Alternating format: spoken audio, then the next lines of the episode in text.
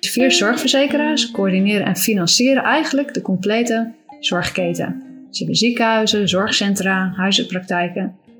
En de daar werkzame artsen, dus ook ik, uh, zijn meestal in loondienst. Iets anders wat ik ook niet kende, wat ze hier hebben, is Title Care. Het is een, een soort apparaatje die mensen zelf kunnen aanschaffen. Die kan allerlei dingen opmeten, zoals uh, je kan daarmee de longen beluisteren, keelonderzoek doen, ooronderzoek doen, temperatuur opmeten. Zodat een dokter op afstand dan jouw uh, gezondheidstoestand kan controleren en vervolgens uh, adviezen geven. Ja, dat zijn wel innovatieve dingen die ik eerder nog niet gezien had. Ik ben Danka Stuiver en in deze podcastserie ga ik in gesprek met Nederlandse artsen die, net als ik, wonen en werken in het buitenland. Waarom besloten zij te vertrekken en waar lopen zij tegenaan? Ik neem je mee over de grens naar steeds een ander land met een andere cultuur en taal en een ander zorgstelsel. Vandaag gaan we naar een land waar je als Nederlandse arts misschien niet zo snel zou overwegen om naartoe te emigreren, maar ook een land met een zeer interessant zorgsysteem dat het bespreken tijdens deze podcast denk ik meer dan de moeite waard maakt. Over welk land heb ik het? Ik heb het over Israël. In 2014 ronde Anne Bloothoofd de opleiding tot huisarts af en vertrok zij met haar Israëlische man naar Eilat in het zuiden van Israël om daar te gaan wonen en werken. Anne, welkom. Hi Danka. Ja, echt uh, heel bijzonder om hier te zijn. Ja, leuk. Um, nou, om te beginnen, jij bent getrouwd met een Israëli eh, die jij tien jaar eerder hebt ontmoet tijdens een reis door Australië. Hij trotseerde eigenlijk de Nederlandse kou gedurende jouw um, huisartsopleidingstijd. Maar zo gauw jij je papiertje hebt gehaald, toen vertrokken jullie eigenlijk meteen naar Israël om daar, uh, om daar te gaan wonen en werken. En jullie zijn daar inmiddels alweer acht jaar. Um, vertel eens, waarom uh, hebben jullie die overstap gemaakt? Ja, heel veel verschillende redenen eigenlijk. Toen ik voor het eerst in Israël kwam, maakte dat zo'n ontzettende indruk op mij. Het was echt een soort wakker schudden van al je zintuigen. Heel veel emotie in het land, passie, heel veel leven en daarnaast ook ontzettende contrasten. Toen ik voor het eerst in het zuiden kwam en uitkeek over de woestijn, het was zo'n stilte, zo'n uh, ja, zo'n verstilling. En een landschap waar mensen eigenlijk nauwelijks aangezeten hebben. Het was echt uh, ontzettend indrukwekkend. Daarnaast hebben mijn man en ik ook heel veel in ons leven gereisd en op verschillende plekken gewoond. Uh, dus op zich een grote overstap maken, dat voelde niet zo groot. En daarnaast ook ja, door persoonlijke ervaringen in mijn leven was het denk ik op dat moment ook makkelijker om ja, op zoek te gaan naar een plek voor ons samen. Waar we ons samen echt thuis konden voelen. Nou, jullie wonen, het is denk ik wel, wel leuk voor de luisteraars om een beetje een beeld bij te krijgen, in het hoogste gebouw van Eilat. Um, wat zie je als je naar buiten kijkt? Een ongelooflijk uitzicht. Eilat ligt hier in het zuidelijkste puntje van uh, Israël. In een ontzettende uithoek, wat medisch wel een uitdaging is. Als ik hier op het balkon sta en ik kijk naar buiten, dan zien we de prachtige Rode Zee. Met dan aan de ene kant de Sinai-bergen van uh, Egypte. En aan de andere kant Jordanië met Aqaba en in de verte Saudi-Arabië. Ja, echt een, echt een het aan je voeten. Het, ja, het ziet er echt prachtig uit. Nou, we gaan het zo nog uitgebreid hebben over jullie leven in Eilat. Maar ik wil het eerst heel graag met jou hebben over de gezondheidszorg in Israël. Want die is echt super interessant, vind ik zelf. Um, kun jij om te beginnen ons vertellen hoe deze is georganiseerd? Uh, het heeft zelf ook wel een tijdje geduurd voordat ik het allemaal uh, ongeveer begreep. En ik heb uh, nu nog veel meer over opgezocht. Maar Israël heeft een gemixt publiek en privé zorgstelsel. Dus iedereen heeft in Israël recht op een basiszorgverzekering. Dan moet je aansluiten bij een van de vier non-profit eh, zorgverzekeraars. En die verzekeraars moeten je ook verzekeren. En die premie is onafhankelijk van je medische situatie. En als je werkt bepaal je een bepaald eh, percentage van je loon. Maar als iemand niet werkt, geen inkomen heeft, dan is het omgerekend ongeveer 30 euro. Dus dat is eigenlijk best wel heel erg goedkoop. Ja. Um, die vier zorgverzekeraars coördineren en financieren eigenlijk de complete zorgketen. Ze hebben ziekenhuizen, zorgcentra, huizenpraktijken. En de daar werkzame artsen, dus ook ik, uh, zijn meestal in loondienst. Sommige verzekeraars zijn wel groter dan andere, dus niet iedereen kan zelf evenveel aanbieden. Maar als een zorgverzekeraar bepaalde dingen zelf niet uit het basispakket aanbiedt, dan uh, kun je ergens anders naartoe. En dan wordt het wel gewoon vergoed vanuit je eigen verzekeraar. Um, eigen risico hebben ze hier niet. wel een eigen bijdrage. En dat tikt toch wel echt uh, behoorlijk aan. Bijvoorbeeld voor medicijnen, diagnostiek, uh, maar ook een bezoek aan een medisch specialist. Er zit er wel een dak aan die eigen bijdrage voor bijvoorbeeld medicatie. Maar iemand die chronisch ziek is, die zou per drie maanden uh, tot een ongeveer maximum van 300 euro kwijt kunnen zijn aan eigen bijdrage voor medicatie. Nou, dat vind ik echt een hoog geld. Ja. En voor mensen kan het ook echt een probleem zijn. Nou is het wel gewoon dat mensen aanvullende verzekeringen uh, afsluiten, maar dat kost natuurlijk wel extra geld. Waarmee je extra dekking koopt of uh, kan zorgen dat je bijvoorbeeld zorg in een privékliniek ten dele gedekt wordt. Of je zelf kan kiezen naar welke specialist je wil uh, in dan een privésysteem. Mm. En daarnaast hebben mensen ook nog weer eens uh, privéverzekeringen daar nog weer bovenop. Er zijn eigenlijk al veel specialisten, medisch specialisten die bijklussen in het privésysteem. Ja. En ik denk ja. dat zorgt wel hiervoor sociale ongelijkheid en trekt ook veel zorgpersoneel uit weg, wat toch al schaars is, uit het publieke systeem. Dus dat is wel echt uh, zorgelijk. Ja, ja, nee, precies. Dus het is eigenlijk voor een deel wel weer vergelijkbaar met Nederland, met zorgverzekeraars die een, een verzekerplicht hebben en die een, een, een basisverzekering uh, aanbieden waarin de meeste zorg wel wordt gedekt. En mensen kunnen dus een aanvullende verzekering hebben, maar ook nog extra verzekeringen voor privé, voor private zorg. Zeg ik dat Ja. goed? Ja. Ja. Nou, ik denk dat in dit zorgsysteem de zorgverzekeraar wel heel veel te vertellen heeft. Iets waar we dan in Nederland meteen, uh, als dokters in ieder geval meteen moeite mee, mee hebben. Um, maar in Israël verkopen ze geen zorg in, maar faciliteren ze het zelf. Dus ze zijn eigenlijk een beetje de zorguitbaters met zorgverleners um, in dienst. Hoe is dat voor jou om als arts in zo'n systeem te werken? Ja, toen ik hier kwam vroeg ik me ook af hoe dat zou uh, gaan lopen. Want ik ben natuurlijk het Nederlandse systeem heel erg gewend. Uh, maar op zich voelt het voor mij prima. Ik voel me niet uh, beperkt in mijn medisch handelen. Het werkt eigenlijk prettig en alles wat ik, uh, mijn medische beslissingen, die kan ik gewoon maken. Ik heb niet het idee dat ik daarin beïnvloed word. Er wordt wel gereguleerd. Dus bijvoorbeeld kostbare test. Als ik een hartskintigrafie zou aanvragen bijvoorbeeld, dan moet ik dat wel verantwoorden. En als dat dan medisch verantwoord is, dan wordt dat ook gewoon toegestaan. Ja, bij wie moet jij dat dan verantwoorden? Ja, dat gaat hier dan naar een centrale systeem en daar wordt er naar gekeken. Dan hebben we hier in het ziekenhuis iemand die zit uh, naar al die aanvragen te kijken en dat wordt dan goed of afgekeurd. Wat ik me even afvroeg, uh, in Eilat heb je één ziekenhuis en die is van één zorgverzekeraar. Stel nou dat iemand een ongeluk krijgt en wordt binnengebracht in dat ziekenhuis, maar niet bij die zorgverzekeraar is verzekerd. Wat gebeurt er dan? Nou, dat maakt op zich niets uit. Die uh, krijgt gewoon de zorg die nodig is. Als het een als het een acute zorg is waar acuut naar gekeken moet worden, dan uh, wordt in het ziekenhuis gewoon geholpen. En dat wordt later gewoon vergoed door zijn eigen zorgverzekeraar. Dus dat is op zich uh, geen probleem. Er is hier natuurlijk ook wel zorg die hier helemaal niet beschikbaar is, omdat we hier in zo'n uithoek zitten. Inderdaad. Dus als iemand voor een test verwezen wordt, of bijvoorbeeld voor een specialist die hier niet aanwezig is, dan kun je ergens anders in het land een afspraak maken. En dan worden de reiskosten bijvoorbeeld ook gewoon vergoed. Uh, dus het, uh, ja, mensen gaan hier vaak vliegend naar Tel Aviv, gewoon op een dagje heen en weer. Ik vond het best gek toen ik zelf ook voor zoiets naar Tel Aviv, dat je dan inderdaad, uh, ja, gewoon op één dag in een vliegtuig heen en weer zit voor een, ja, toch niet een heel bijzonder testje, maar dat, ja, dat is de situatie in de lab. Um, nou ja, jij werkt als huisarts dus in een van de praktijken van zorgverzekeraar Clalit, zeg ik het goed? Ja. Ik ben wel benieuwd, hoe is de huisartsenzorg daar geregeld?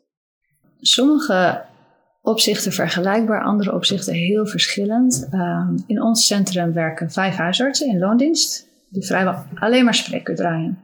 Dus per 1 FTE is het ongeveer 1300 tot maximale 1700 patiënten. Dat klinkt als weinig, maar op de een of andere manier is het hier wel heel druk. En de wachttijd voor de huisarts die varieert bij ons van enkele dagen tot uitschieters van uh, vijf weken. Oh, wow. ja. En daar heb ik me in het begin wel over verbaasd. Dat heeft volgens mij met een aantal dingen te maken. Bijvoorbeeld wel verpleegkundigen die veel uh, zorgen uh, doen. En secretaresses, maar geen doktersassistenten zoals we die in Nederland kennen. Dus afspraken bijvoorbeeld worden allemaal online, gewoon telefonisch gemaakt. Zonder enige vorm van uh, triage. Daarnaast is ook wel meer briefjeswerk, bijvoorbeeld zoals ziektebriefjes. Kunnen mensen wel gewoon online aanvragen, maar niet iedereen snapt dat. Dus die komt dan alsnog naar het spreekuur. En de huisartsen doen hier, omdat we in een uithoek zijn, uh, zitten en niet alles uh, beschikbaar is, zelf ook vrij veel diagnostiek. Dus dat uh, geeft ook wel meer werkdruk. Um, even kijken, de werkdagen bij ons zijn van 8 tot 4 een aantal dagen. En dan een aantal dagen van s morgens 8 tot 1. En dan gaan we de huizen naar huis om te lunchen en misschien een tukje te doen. En dan komen ze weer terug van uh, 4 tot 7. En ze zien ongeveer uh, 5 patiënten per uur. Een heel groot verschil vind ik dat hier zijn specialisten waar mensen zonder verwijzing naartoe kunnen. Zoals kinderartsen, gynaecoloog, orthopeed, KNO, dermatoloog, oogarts, borstchirurgie. Dus dat geeft eigenlijk een minder poortwachtersfunctie uh, voor de huisarts. Ja, ja. Dus ook bijvoorbeeld um, iets uit een oog halen, spiraaltje plaatsen, dat soort dingen. Dat gebeurt eigenlijk hier uh, niet uh, in onze praktijk. Dan is het wel zo dat als je bekwaam bent en dingen leuk vindt, dan kan er wel heel veel. Maar het is niet onderdeel van het standaardwerk. Dus als je wil, kan het. Maar ja, als niet, dan is het dus normaal dat het er dan niet bij hoort. En mensen zijn dan ook wel echt uh, verbaasd en uh, ja, vinden het leuk als ik uitleg dat ik gewoon zelf kan helpen.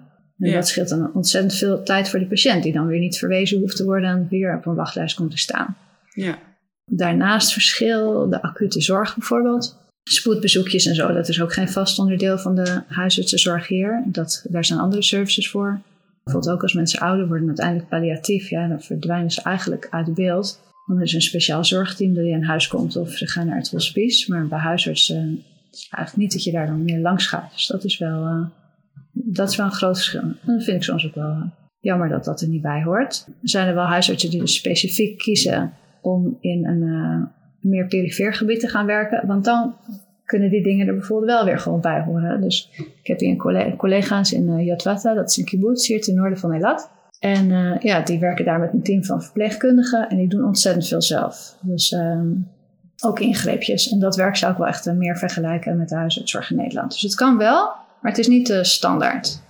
Nou, je noemde net al dat je bepaalde zorg uh, die je gewend was om te leveren in Nederland nu misschien minder of niet levert. zoals bijvoorbeeld de zorg aan kinderen en patiënten met KNO-problemen. Um, wat zie jij dan nu wel in de spreekkamer? Ja, eigenlijk hetzelfde wat ik gewoon in Nederland in de spreekkamer zag. We hebben ook veel dezelfde chronische ziekten als in Europa. Dus ook we hebben gewoon zorgstandaarden voor suikerziekte, voor hypertensie. We hebben hier niet van die general check-ups waar ik je over had horen praten met die arts in Canada. Dat hebben we hier niet. Maar daarnaast hebben we ook wel ziekten die ik in Nederland eigenlijk vrijwel niet zag. Uh, zoals hier bijvoorbeeld de FMF en dan weer andere infectieziekten zoals uh, leishmaniasis, waarvan ik toevallig deze week nog weer een uh, casus zag. Oh. Ja, wat dan wel leuk is. Dat was in het begin wel, ja, dat is gewoon interessant. Is gewoon ook andere dingen. En wat ik vooral ook bijzonder hier vind is, er zijn zoveel, het is zo'n moes van culturen hier.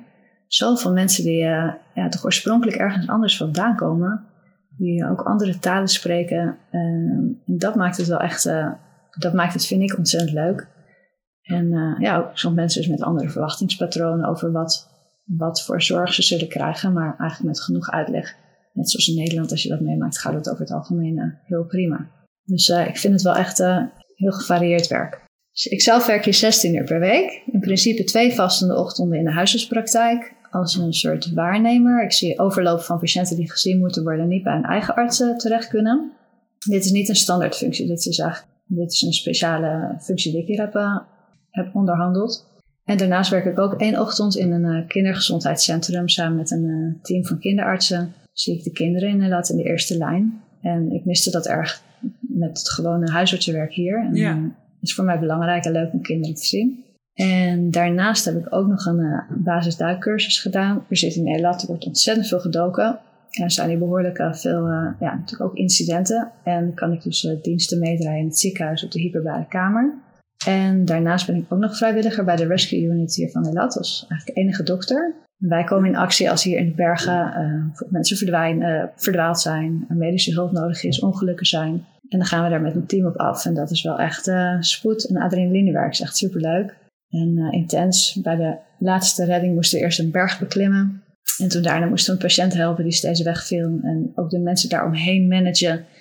Dat was ook nog een hele klus. En uiteindelijk ja. uh, heb ik een, uh, een helikopter gevraagd. En dus toen kwam er een helikopter van het medische legerteam om de patiënt daar weg te takelen. Maar dan sta je er in een enorme stofwolk die patiënten acute zorg te verlenen. En dat was wel echt, ja, dat was spannend. Dus je kunt het wel echt het werkje zo interessant maken als je zelf wil. ja. er zijn heel veel mogelijkheden. Ja, precies. Dus jij doet echt naast je huisartsenwerk in de, in de, in de praktijk, doe je ook nog wel echt hele leuke dingen daarbij. Ja. Um, ja, nou, ik wil nog even teruggaan naar, de, naar, die, naar die huisartspraktijk, hè, waarbij je dus uh, voor Claliet, uh, een van de grootste zorgverzekeraars, uh, werkt. Um, in loondienst ben je. Hoe wordt jouw loon bepaald?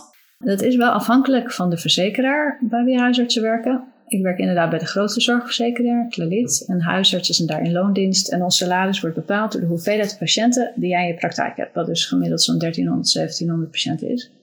En dan wordt er gecorrigeerd voor leeftijd, onderliggend lijden. En je krijgt bijvoorbeeld extra vergoedingen voor bijvoorbeeld huisbezoeken. Die je niet in je gewone werkuren doet. Dus dat gaat er allemaal naast. Mm. Maar bij de tweede grootste verzekeraar, Maccabi, krijgen huisartsen betaald voor elk ingeschreven patiënt die ook werkelijk bij hen langskomt in dat kwartaal.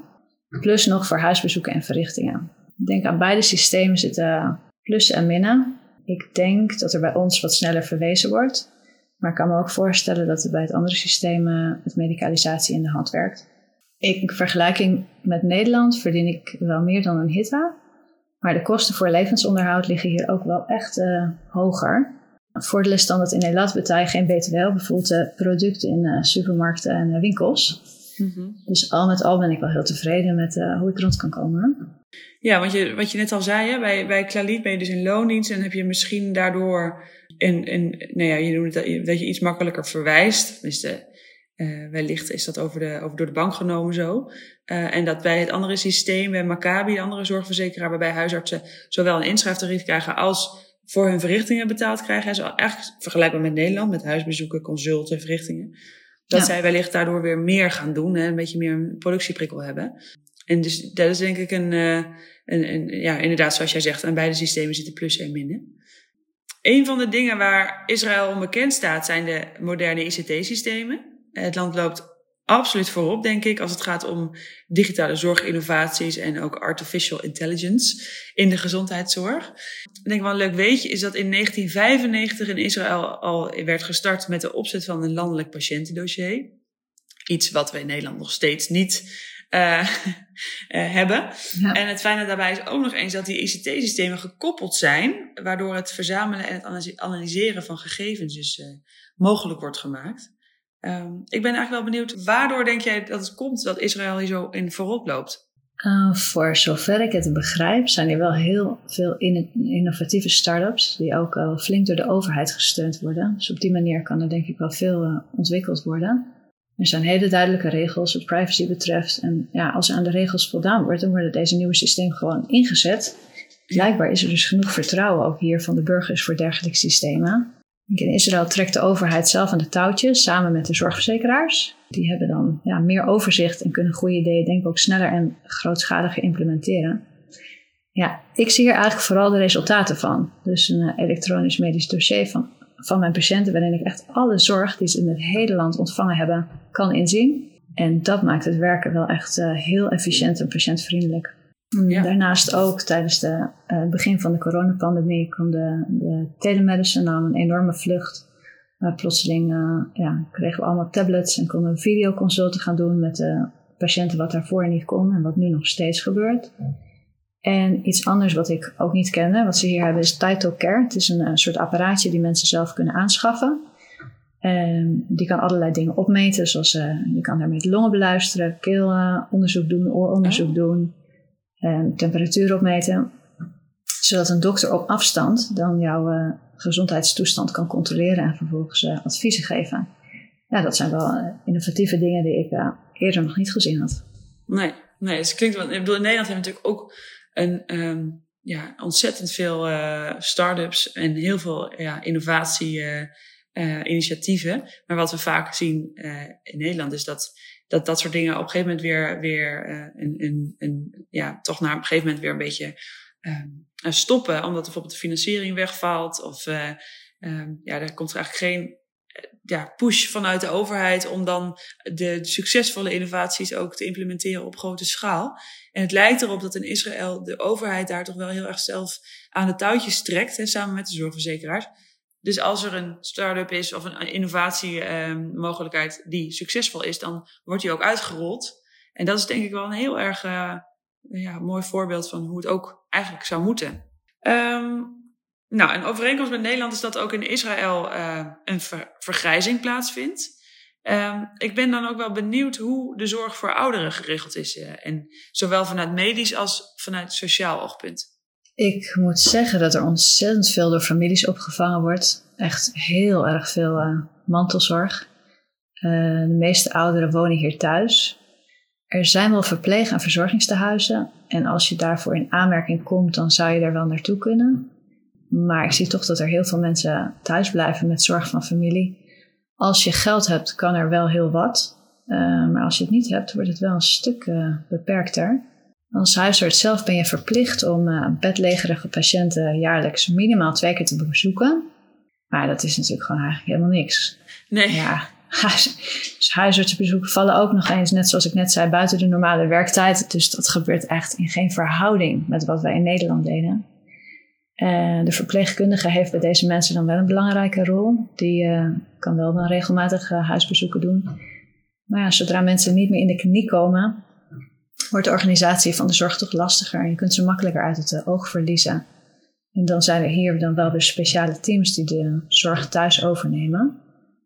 dus de zorg is er wel, maar dan minder vanuit de huisarts.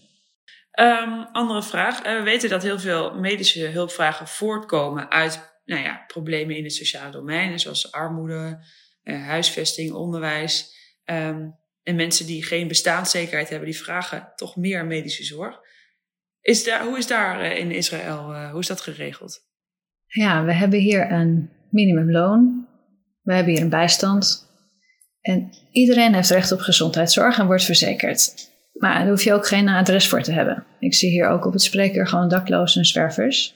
Ik schrok tegen wel echt van de armoedecijfers in Israël. Ongeveer 21% van de bevolking leeft in absolute armoede. En 31% van de kinderen. En dat vond ik wel echt uh, schokkend. Yeah. Die groep, disproportionele hoeveelheid uh, Arabische mensen en uh, orthodoxe, orthodoxe Joden. dus misschien zit er daar ook een deel keuze aan. Dat ligt waarschijnlijk genuanceerder dan alleen die getallen, maar ik vond het wel hoog. En als je in armoede leeft, dan heb je natuurlijk, ja, het is mooi dat je een basisverzekering hebt. Maar als je eigen bijdrage niet kan betalen, dan zit je nog steeds met een groot probleem. Dus dat is niet makkelijk. Ja, zeker weten, ja. Nou, in Israël bestaat een groot tekort aan onder meer artsen. En toch is de opleidingscapaciteit in het land zelf heel beperkt. Hoe komt dat? Ja, die is zeker beperkt. En er is ook een enorm tekort aan artsen. Ik was wel verrast dat echt 58% van alle dokters hier in Israël is niet in Israël opgeleid. Dat zijn dan uh, of immigranten, Israëliërs die in het buitenland opgeleid zijn. Populair is bijvoorbeeld uh, Hongarije, Roemenië, Italië. En van de vijf werkzame dokters in mijn praktijk komen er bijvoorbeeld drie uit het buitenland. En ik zie dat ook bij de specialisten, specialisten in het ziekenhuis bijvoorbeeld. En dan ja, hier in Nederland is het tekort nog veel nijperder. Dus er zijn allerlei initiatieven om uh, het aantrekkelijk voor artsen te maken om hier naartoe te komen. Maar dat is, ja, er is een tekort.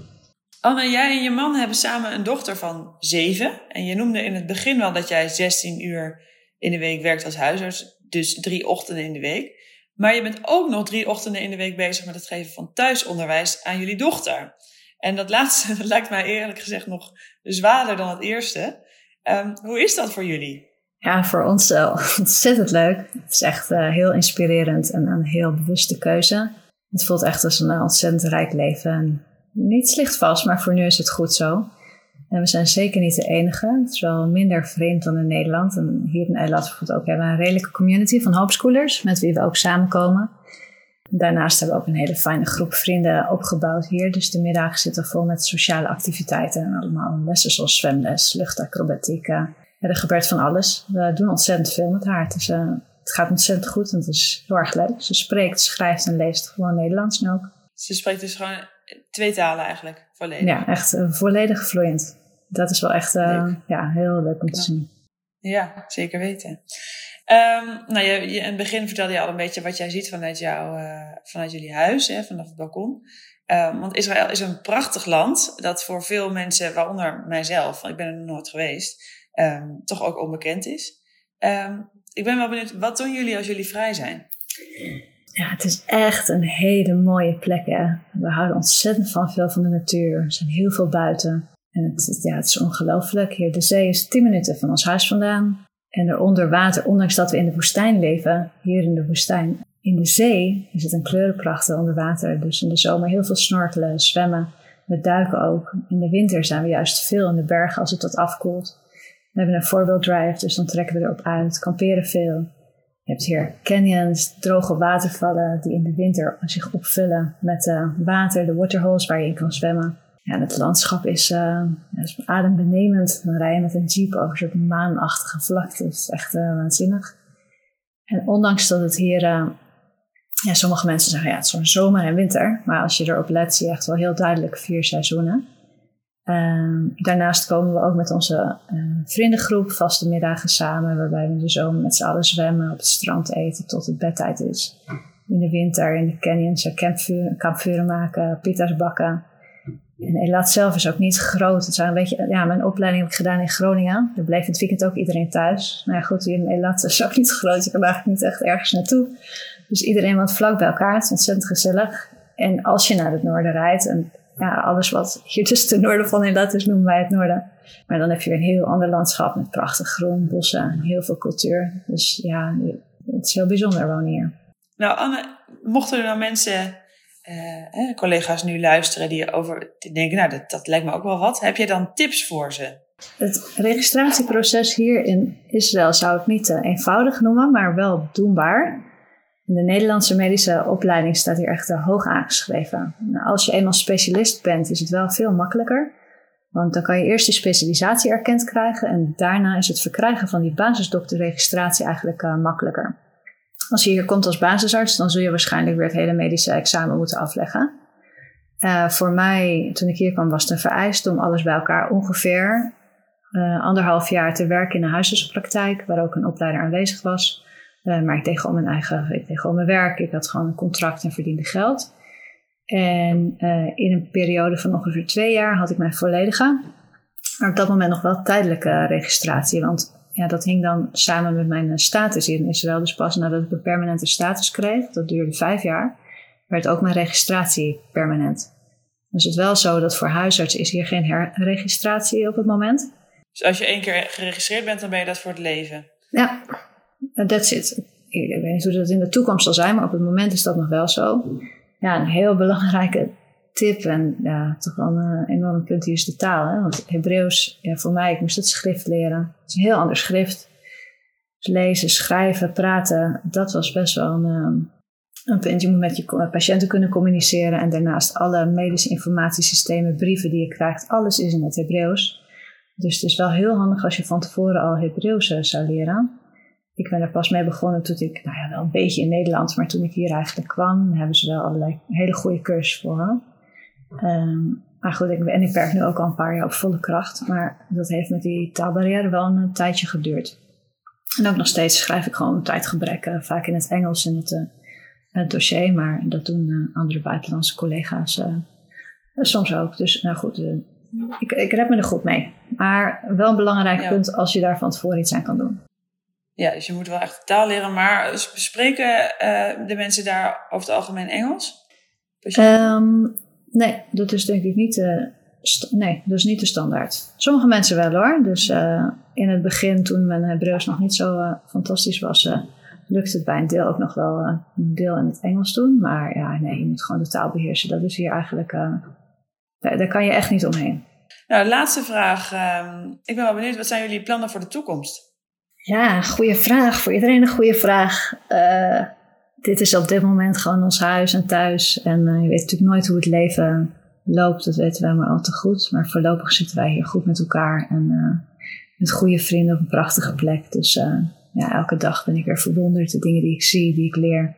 En we hebben geen plannen om te vertrekken. We zijn heel gelukkig hier. Mooi, goed om te horen. Nou, dankjewel voor dit gesprek, Anne. Ja, hartstikke leuk. Dank jou wel.